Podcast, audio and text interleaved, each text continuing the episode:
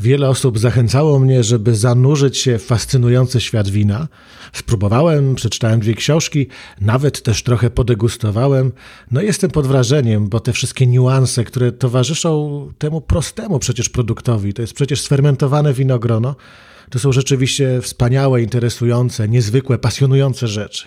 Jest tylko jeden problem, że ja nie za bardzo wyczuwam te wszystkie aromaty, bukiety, finisze.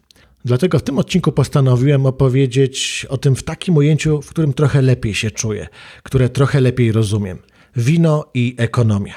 Za co płacimy, za co warto, a za co nie warto, jak ten cały biznes winiarski się kręci. Bartłomiej Biga, zapraszam na kolejny odcinek podcastu Wiedza nieoczywista o pieniądzach.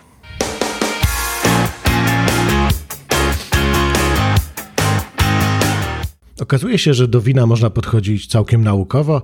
Są kierunki studiów na ten temat, są też czasopisma branżowe, na przykład The Journal of Wine Economics. Jest z czego czerpać wiedzę, taką bardziej przyswajalną dla mnie niż te wspomniane bukiety i aromaty. I kiedy mówi się o tym zestawieniu wino i ekonomia, to pierwsze pytanie, które zwykle się słyszy, jest takie: ile trzeba dać za dobre wino? I oczywiście można by zacząć od długiej dyskusji, co to znaczy dobre wino, ale według specjalistów z winefolly.com wartościowe wina zaczynają się już od 4 dolarów za butelkę. To będą takie podstawowe wina dużych producentów, ale to już są takie wina, które dają przyjemność nawet komuś, kto ma bardziej wyczulone kubki smakowe niż ja. 4-8 dolarów to już taka kwota, za którą można kupić dobre wino. Według nich wina z przedziału 15-20 dolarów można nazywać już nawet winami premium, a wina powyżej 50 dolarów za butelkę to według nich są już wina luksusowe. I oczywiście ważne zastrzeżenie, to są ceny, które nie dotyczą restauracji, no bo tam e, trzeba by jeszcze dodać marżę na poziomie, różnie się mówi, 100, a nawet 300%. Więc to są takie ceny w sklepie, w jakich możemy się spodziewać. Oczywiście trzeba brać poprawkę na to, że lokalne wino często będzie tańsze, więc jeżeli jesteśmy w kraju takim jak Włochy i Francja, to te lokalne wina możemy nabyć w jeszcze bardziej atrakcyjnych cenach. Zła wiadomość natomiast jest taka, że generalnie ceny wina rosną i będą rosły. Przyczyn jest kilka i tutaj oczywiście ekonomista powie, że rośnie popyt na wino i to jest prawda w wielu krajach. Polska jest chyba dobrym przykładem. Zaczyna się kształtować kultura, moda na picie wina. Może powoli, ale jednak rośnie. Natomiast jeśli chodzi o stronę podażową, czyli o produkcję wina, to też są kraje, gdzie ta produkcja się zwiększa. Co ciekawe, są też takie, gdzie się zmniejsza. Natomiast tutaj trudno o lepszą wydajność, koszty pracy są spore, jednak nie da się tego całego procesu zautomatyzować. Do tego dochodzą różne zawirowania klimatyczne, więc raczej nie będziemy mogli się spodziewać spadku cen wina. Raczej ten trend rosnący będzie się utrzymywał. I teraz e, spróbujmy zobaczyć na to, co się składa na cenę wina. Ile trzeba dać za dobre wino, ile się płaci za tę jakość. I znów odwołam się do specjalistów e, ze strony corksout.com. Oni sprawdzili na rynku brytyjskim, ale to można odnieść do polskiego. Wiele tych kosztów będzie bardzo, bardzo podobnych. I przy takim podstawowym winie za 5 funtów wychodzi to mniej więcej tak. 60 pensów Y, to są koszty pracy winnicy i dostawa, czyli przeliczając y, to na złotówki, no to powiedzmy byłoby to około 3 złotych. Niespełna 3 funty y, to są podatki. Marża sprzedawcy to funt i 40 pensów. Oznacza to, że za jakość wina w przypadku butelki za 5 funtów płacimy tylko 16 pensów. Kilkadziesiąt groszy raptem to jest ten bonus, ta premia, którą płacimy producentowi za jakość wina. Oczywiście inaczej te proporcje będą się przedstawiały w winach ekskluzywnych, ale i tak tam spora część będzie zżerana przez te inne koszty. I teraz zobaczmy, jak wygląda ten rozkład cen w przypadku win ekskluzywnych. Za 30 funtów za butelkę, tam 80 pensów to są koszty pracy winnicy i dostawy. Tu jest trochę więcej, no bo zwykle te lepsze wina są też staranniej produkowane. Ten proces jest droższy, czasami pojawiają się dodatkowe elementy, albo te, które wszędzie występują, są na lepszym poziomie realizowane. Do tego dochodzi nam 7 funtów podatków 8,40 funta marży sprzedawcy, ale tutaj na jakość wina zostaje aż 13 funtów i 80 pensów. Więc w przypadku tych droższych win rzeczywiście ta premia za jakość stanowi istotny procentowy udział. W przypadku tańszych mówimy raptem o kilkudziesięciu groszach, no może złotówce z kawałkiem. Pozostałe rzeczy to są takie już koszty, z których bardzo ciężko jest zejść.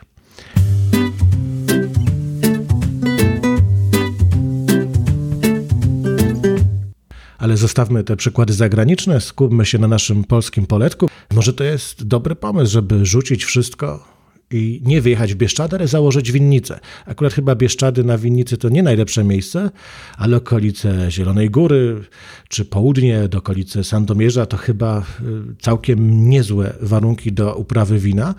Mm, co prawda, winorośli mówiąc y, precyzyjniej, Okazuje się, że są takie odmiany, które u nas całkiem dobrze się mają i dają wino, które jest satysfakcjonujące. Więc jest przestrzeń geograficzna, klimatyczna do tego, żeby coś w tym guście działać. Oczywiście nie będzie to takie proste jak e, w krajach typu Włochy, gdzie ten klimat daje większe pole do popisu, ale jest taka możliwość. Oczywiście problemem będą takie rzeczy jak brak kultury winiarskiej w Polsce. Mamy mało specjalistów. No, wpierw trzeba, żeby te krzaki trochę porosły, zanim zaczną sensownie owocować, dawać takie owoce, które będą nadawały się do przerobienia. Na lokalnym rynku też za wiele nie sprzedamy, bo jednak sprzedaż wina w Polsce w porównaniu z innymi alkoholami jest dość niska, więc nie będzie to droga usłana płatkami róż, niestety. Ale zobaczmy, jakie to są koszty. I tutaj mam takie wyliczenie ze strony agrofakt.pl. Jakie koszty trzeba wziąć pod uwagę? Jakie sobie musimy założyć e, bezpieczniki, żeby w ogóle myśleć o jakimś zarobku? No, pamiętajmy przede wszystkim o podatkach. Jeśli chodzi o alkohol, tych podatków jest całkiem sporo, no bo to jest nie tylko 23% VAT, nie tylko podatek dochodowy, ale też podatek akcyzowy. W Polsce to jest e, złoty 58 na litr wina. Do tego trzeba doliczyć koszt kupna korka, to jest około złotówki na butelkę oczywiście. Etykiety kapturek to jest kolejna złotówka, sama butelka to 1-2 złote. Do tego oczywiście trzeba przygotować opryski, nawozy. Tutaj szacuje się, że jest to mniej więcej 5000 zł na hektar uprawy. Paliwo, energia elektryczna, woda to średnio 10 tysięcy na hektar. No i jeszcze oczywiście bardziej specjalistyczne środki enologiczne, czyli te winiarskie, drożdże, pożywki, e, płyty filtracyjne i tak dalej, i tak. To między 1000 a 3000 zł w przeliczeniu na hektar. Więc wychodzi z tego całkiem sporo. Ale Spróbujmy sobie na jakimś konkretnym przykładzie to omówić. E, takie, taki eksperyment myślowy, takie wyliczenie przeprowadził Wojciech Bosak z Polskiego Instytutu Winorośli i Wina i on postanowił sprawdzić, jaka jest potencjalna opłacalność produkcji winiarskiej w Polsce. Przyjął założenie, że będzie taka 3-hektarowa winnica w dobrze dobranym terenie, taki, który jak na polskie warunki pozwala na swobodną uprawę winorośli. E, Przedstawia w tym wyliczeniu dokładnie, jak będą te nasadzenia robione. Nas to niespecjalnie interesuje. Zobaczmy, jakie tutaj te koszty by trzeba było ponieść. No zakup działki 3 hektary to ponad 100 tysięcy złotych. Założenie winnicy, obsadzenie tego wszystkiego to jest według niego 240 tysięcy złotych, ogrodzenie 20 tysięcy i później zaczynają się nam pojawiać jeszcze koszty, zanim te krzewy zaczną owocować. Utrzymanie winnicy przed wejściem w fazę owocowania to dwa lata, które by trzeba było wyliczyć, um, wliczyć do tego rachunku. Y, to mniej więcej powinno wynieść około 50 tysięcy złotych. No, potrzebna jest jeszcze budowa obiektu produkcyjnego z zapleczem enoturystycznym. Zaraz o tej enoturystyce powiem. Jakiś traktor, osprzęt i tak dalej, i tak dalej. On wyliczył, że tutaj trzeba by zainwestować ponad milion złotych. Ta enoturystyka, czyli turystyka winna, to ważny element dochodowy. To jest bardzo prężnie rozwijająca się gałąź. Wiele osób chętnie na odpoczynek przyjedzie do miejsca, gdzie powstaje ciekawe wino, żeby je podegustować, zobaczyć jak to wygląda. Więc na tym też można zarobić i warto o tym pamiętać. Mając w głowie te koszty, które trzeba ponieść na początku dla założenia samego gospodarstwa i to, co później przy każdej butelce się nam pojawia, mm, wychodzi na to, że minie ładnych parę lat, zanim zaczniemy być na plusie.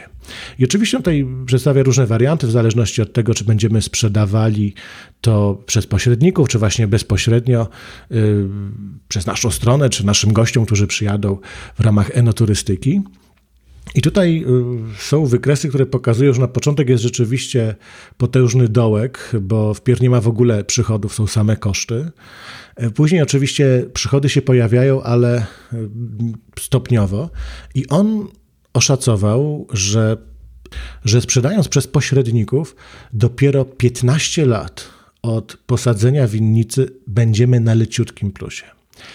Zainwestujemy milion złotych ponad i dopiero po 15 latach wyrówna się nam to. I dopiero wtedy zaczniemy zarabiać i rzeczywiście, jeżeli wszystko będzie szło pomyślnie, to te kolejne lata, szczególnie już po 20 roku, będą na mocnym plusie dla nas. Tam już możemy liczyć nawet, że kilkaset tysięcy złotych rocznie będziemy do przodu. Szybciej uda się nam to zrobić, kiedy nie będziemy korzystać z pośredników, tylko będziemy sprzedawać bezpośrednio.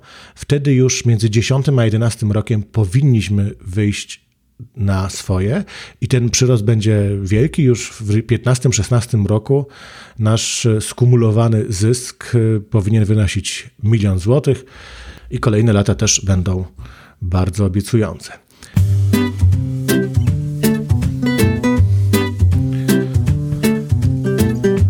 I na koniec informacja o tym, gdzie produkuje się najwięcej wina. No skoro Polska jest gdzieś tam na szarym końcu, ale widać wyraźny przyrost, tutaj zaskoczenia nie będzie. Pierwsza trójka to Włochy, Hiszpania i Francja. Na czwartym miejscu są Stany Zjednoczone, na piątym Chiny, na szóstym Argentyna, na siódmym Chile, na ósmym Australia, na dziewiątym Republika Południowej Afryki i na dziesiątym miejscu Niemcy. Przy czym zdecydowanie odstają wszystkim innym pierwsze cztery kraje: Włochy, Hiszpania, Francja i Stany Zjednoczone. Kto wie, może Polska kiedyś skoczy do pierwszej dziesiątki. Więc kupowanie polskiego wina to jest rodzaj inwestycji, wsparcia tych, którzy są pionierami. A jeżeli szukamy dobrego stosunku jakości do ceny, to lepiej sięgnąć po te kraje, po te regiony, które są bardziej doświadczone, mają łatwiejszy pod tym względem klimat, no bo tam za te 20, 30, 40 zł da się nawet z kosztami transportu stworzyć takie wino, które będzie pewnie bardziej, obiektywnie bardziej satysfakcjonujące niż to polskie, ale z drugiej strony nie zapominajmy o tej misji. Nie od razu Kraków zbudowano, nie od razu Włosi czy Francuzi osiągnęli perfekcję w tworzeniu wina. Ja osobiście patrzę z dużą sympatią na tych, którzy w Polsce próbują iść w te ślady i też e, mimo tego trudniejszego klimatu produkować wino, które będzie dawać satysfakcję. I już na sam koniec ważne zastrzeżenie. Ja oczywiście, broń Boże, nikogo nie namawiam do picia wina. To zastrzeżenie jest ważne, ponieważ Polska Agencja Rozwiązywania Problemów Alkoholowych nie ma poczucia humoru i tych, którzy tak e, fatalnie namawiają do picia alkoholu, potrafi surowo ukarać, a ja nie chciałbym być ukarany. To wszystko w tym odcinku. Do usłyszenia wkrótce.